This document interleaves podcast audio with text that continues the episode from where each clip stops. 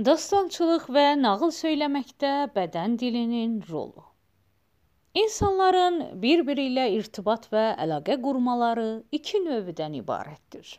Birincisi sözlü, ikincisi sözsüz. Adından bəlli olduğu kimi, sözlü irtibat həmən danışıq, sözsüz irtibat isə bədən dilindən ibarətdir. Bədən dili özü də iki yerə bölünür. Birinci hissəsi ata-babalarımızdan irs apardıqlarımızdır ki, bunlar bizim bilincaltımızda baş verən prosesdir. Bu rəftarların birinci hissəsi, demək genetiki növü insanlarla heyvanlar arasında ortaqdır. Jestlər, üz ifadələri, göz hərəkətləri birinci hissəyə daxildir. İkinci hissə ölkədən ölkəyə, bölgədən bölgəyə və bir mədəniyyətdən başqa mədəniyyətə fərqlənən qərardadi rəftarlardır. İşarətlərdən ibarət olan bu növ rəftarlar anlam baxımından gahdan iki xalq arasında lap təzadlı məfhumlar daşıyır. Gahdan isə anlamlar üst-üstə düşür.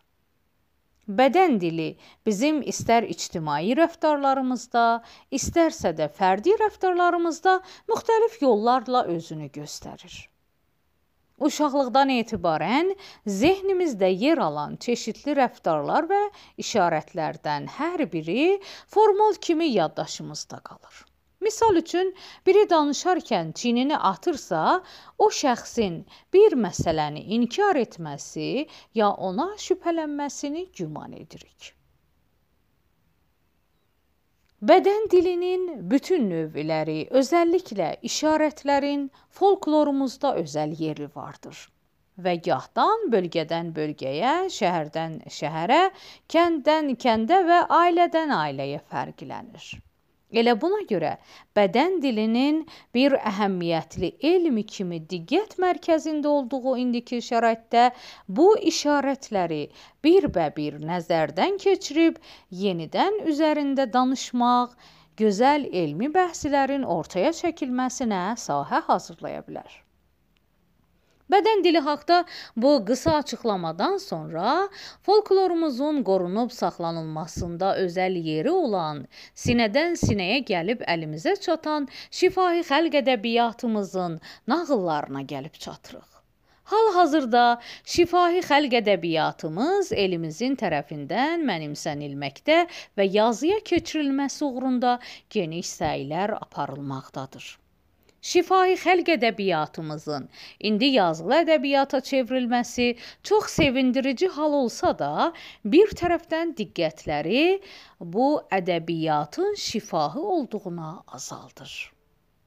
Çünki folklorumuzu qabaqki nəsildən, sinədən sinəyə buraya gətirdiyimiz qarşısında bir özəl məsuliyyət də boynumuza düşür.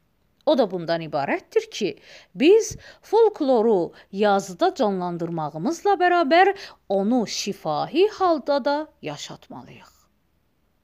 Yazılar elmi baxımdan çox yuxarı qabiliyyətə yiyələnsə də, folklorumuzu eynisi ilə gələn nəsillərə qoruyub saxlamaqda bir tərəfdən axsayacaq.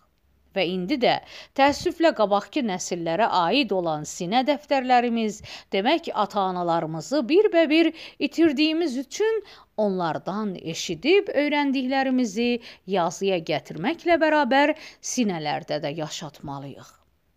Burada da hər yerin, hər bölgənin adamları o yer ya bölgəyə məxsus folklorunu yaşatmalıdırlar. Əlbəttə, bunu da nəzərə almalıyıq ki, zaman sürəci ilə folklorda yaranan dəyişikliklər də danılmazdır. Bütün bu yazılar folklorumuzun özəl bir qolu olan nağılların qorunub saxlanılması və gələn nəsilə köçürülməsi necəliyi ilə bağlı bəhslərə müqəddəmədə sayıla bilər. Nağıllar təkcə yazı ilə qorunub saxlanılması mümkün olan folklorun bəzi sahələrinə rəğmən yazıldıqdan sonra da yenə sinələrdə yaşanmalıdır. Sinələrdə yaşanıb sinədən sinəyə köçürülməsi də ətrafımızda olan yaşlılardan bu nağılları eşitdiyimiz kimi yaddaşımızda saxlayıb yenidən tərifləməkdir. Nağıl tərifləyib söyləməkdə bu nağılları yaddaşlara tapşırmağın önəmli yollarından biri təriflərkən eşidənlərdə həyəcan və şuur yaratmaq, habelə onları nağılın ardını dinləməyə həvəsləndirməkdir. Burada da bədən dili və özəlliklə işarətlər, habelə üz ifadələrindən faydalanmağın əsas rolu olacaqdır. Nağıl tərifləməkdə lazım gəldikdə nağılda gələn şəxslərin və xarakterlərin hər birinin yerinə özəl bir ləhn və özəl ifadələrlə danışmalıyıq. Hərdən səsimizi ucaldıb, lazım gəldikdə isə səsimizin tonunu azaltmalıyıq üz ifadələri və işarətlərdən faydalanmaq nağılın dinləyiciyə şirin gəlməsi və ardını dinləməyə maraqlı olmasına gətirib çıxaracaq. Həmçinin bu şivə ilə nağılın artıq zehnə tapşırılmasına kömək edəcək. Nağılların Nağılların rivayətləri hər bölgədən bölgəyə fərqli olduğu kimi, bölgələrin bədən dillərinin bir hissəsi də bir-biri ilə fərqlidir. Məhz buna görə nağıl deyənlər bu tərif boyunda faydalandıqları bədən dillərini də ortaqları çıxmaq etibarilə yaşadıqları məntəqənin rivayəti kimi o məntəqəyə məxsus etməlidirlər. Beləliklə, folklor sahəsində çalışanların, özəlliklə xanımların boynuna bir böyük məsuliyyət düşür.